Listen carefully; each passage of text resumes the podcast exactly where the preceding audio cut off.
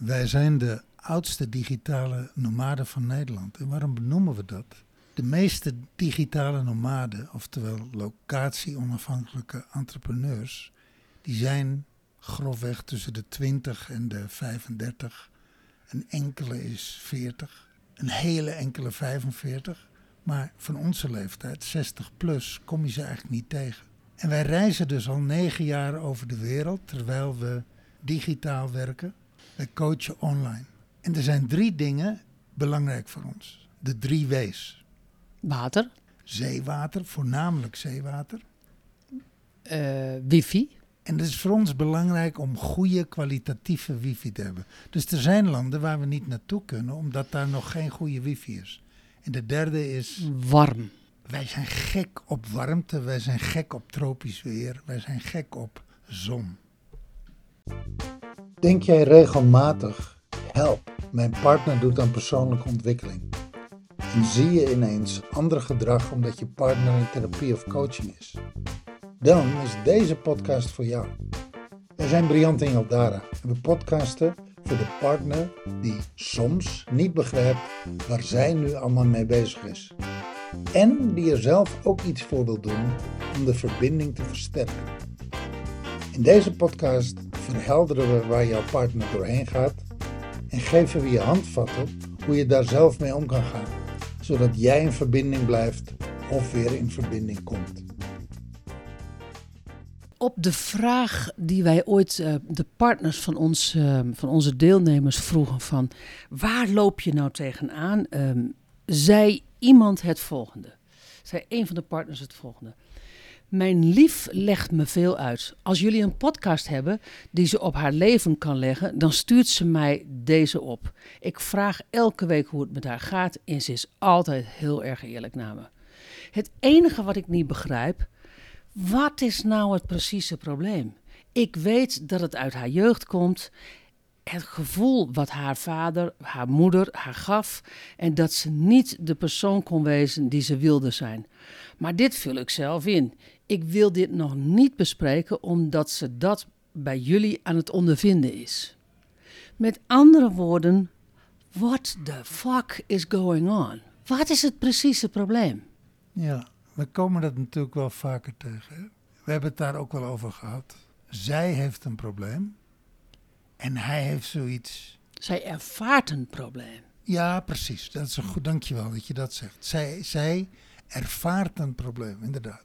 Zij is niet het probleem. Nee, zij, zij, zij, nee. zij, nou, misschien manifesteert zich dat wel als een probleem, maar met name, Nou, misschien zegt ze zelfs: Ik heb een probleem. precies, maar, met name ervaart ze dat. Ja. Voelt ze van, ja, weet je, ik kom er niet uit.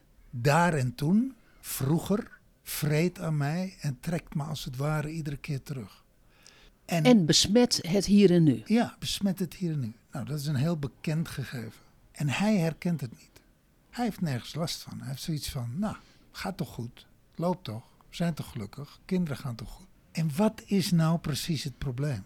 Dat lijkt mij voor een partner die dat zelf niet ervaart, die dat zelf niet doorleeft, die dat zelf niet zo voelt, inderdaad heel lastig om het te begrijpen. Ja, ja, dat is ook lastig. Ja. Dan luister je, nou je praat natuurlijk met elkaar, zij praat met hem, hij praat met haar.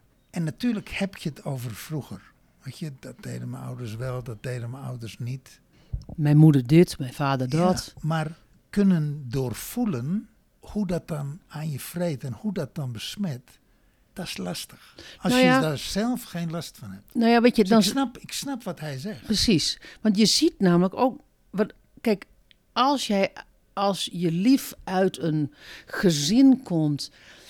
ehm, waarin je zegt van ja, weet je, dat jij een probleem ervaart hier en nu. Ja, dat snap ik heel goed. Want er was altijd alcohol, er, er werd mishandeld, er werd altijd geschreeuwd, er werd altijd puntje, puntje, puntje. Er was Met altijd spanning. met andere woorden, het was onveilig.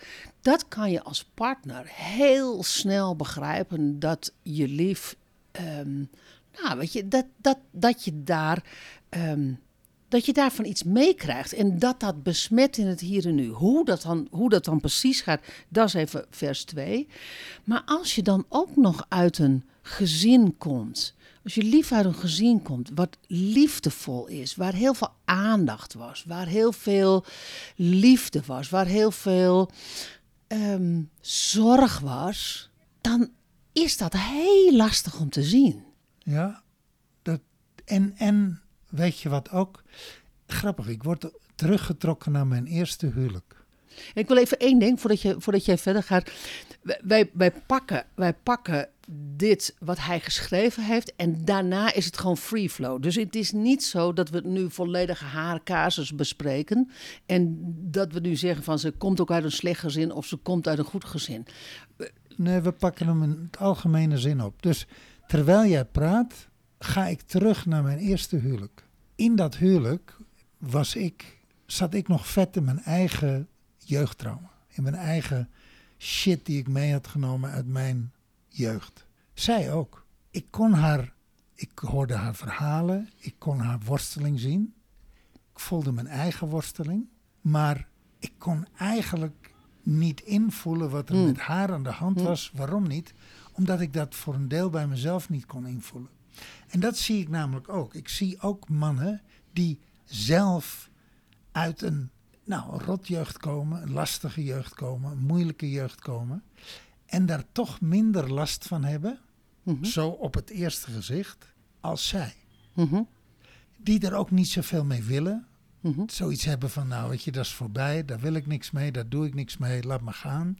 Dus dat begrijpen wat er nou precies aan de hand is en het verlangen van haar om daar wel uit te kruipen, om dat achter, om, om dat, om, letterlijk om dat achter te laten, om dat voorgoed achter te laten, niet om het te ontkennen. En daar zit ook wat. Zeg jij dat mannen dit vaker ontkennen dan vrouwen? Dat lijkt zo.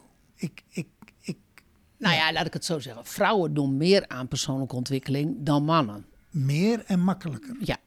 Dus schijnbaar hebben ze er eerder last van. Mhm. En willen ze er eerder wat mee? Ik denk dat de gemiddelde man het zelf wel kan. Nou ja, is dat niet logisch? Als ik naar mijn gezin kijk van herkomst, eh, eh mannen voelden niet. Ja, natuurlijk, natuurlijk had mijn vader gevoel en natuurlijk had mijn broer gevoel. Maar daar werd daar één in ons gezin werd niet over gevoel gesproken. Maar mannen huilden niet. Mannen waren niet kwetsbaar. Vrouwen huilden wel. Vrouwen waren wel kwetsbaar. Ja, dat, dat, dat snap ik. Die, die categorie mannen is er. Als ik naar mezelf kijk, was ik altijd heel gevoelig. Mhm. Huilen geen probleem. Maar waarom ging ik geen hulp halen? Waarom zocht ik geen hulp?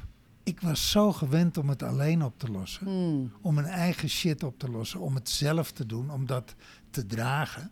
Daar zit ook een stuk, er zit een stuk stoerheid bij. Mhm. Maar er zit ook een stuk onvermogen bij om, mhm. om te durven vragen. Ja. Om, om hulp te durven vragen. Ja, herken ik, ik ben ook opgevoed met het beeld.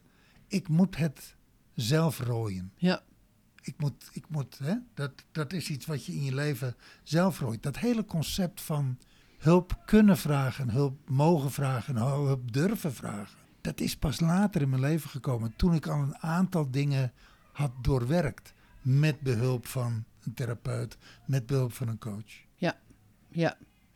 Dus het is niet a priori zo dat mannen minder voelen, maar ik denk dat... Nee, dat heb ik ook niet gezegd. Nee, nee, nee. Heb, heb ik niet gezegd. Alleen, ze zijn... Ze mogen minder voelen. Ze, de, maatschappelijk gezien mogen ze minder, minder voelen. Weet je, als jij...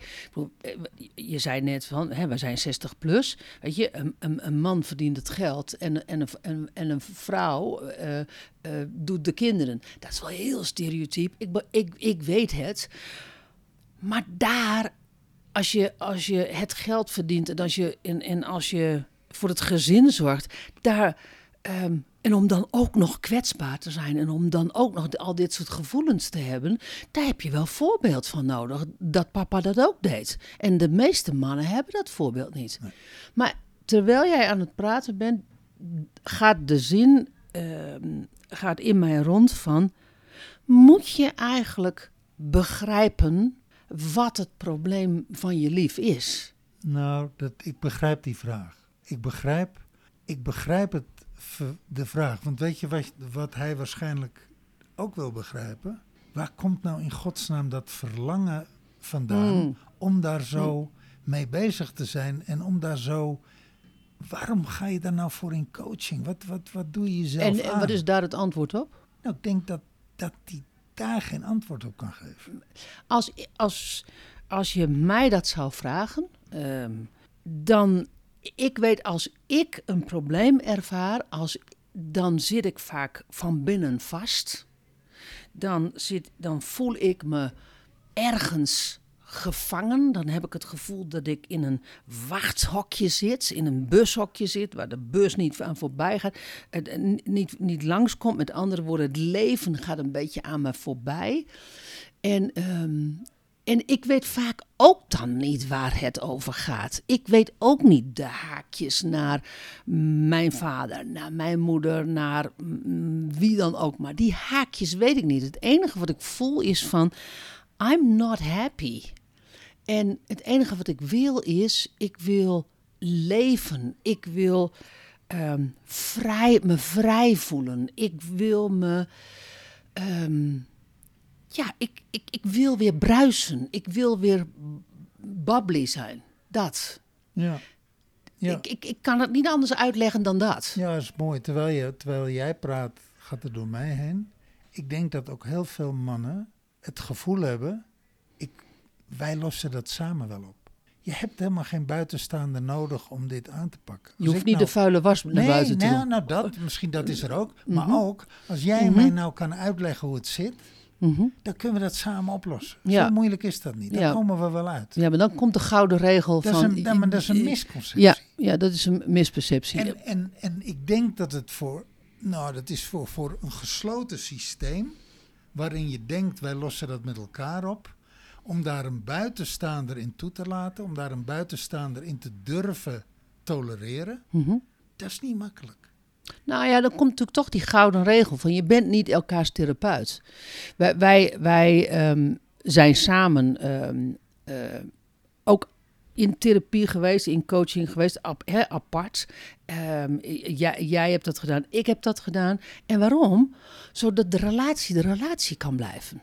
Zodat je, kijk, wij zouden uitstekend, uitstekend aan elkaar kunnen sleutelen en toch doen we dat niet. Expres niet, bewust niet. Nee, want en het, tegelijkertijd geeft dat, dat, dat heb ik althans heel, zo, heel erg zo ervaren, geeft het mij heel veel vrijheid om, om te zeggen wat ik te zeggen heb, om, eh, om te voelen wat ik te voelen heb. Ik hoef geen rekening met mijn partner te houden als, als ik bij een coach Ik zit. hoef het niet uit te Dat is leggen. Ik fijn. Dat is zo fijn, is leggen. dat. Ja. Waardoor je veel sneller door dat proces heen komt. En waardoor als ik thuis kwam, dat de relatie weer de relatie kon zijn. Maar ik denk dat, dat, dat daar wel iets ligt van, van onveiligheid. Dat Ja. is eng. Ja, Een, een, Dat snap een ik. derde durven toelaten in jullie pact. ja maar, maar het is altijd zo, als ik naar een coach ga, als ik naar een therapeut ga, alles wat ik daar bespreek gaat bottom line over mij.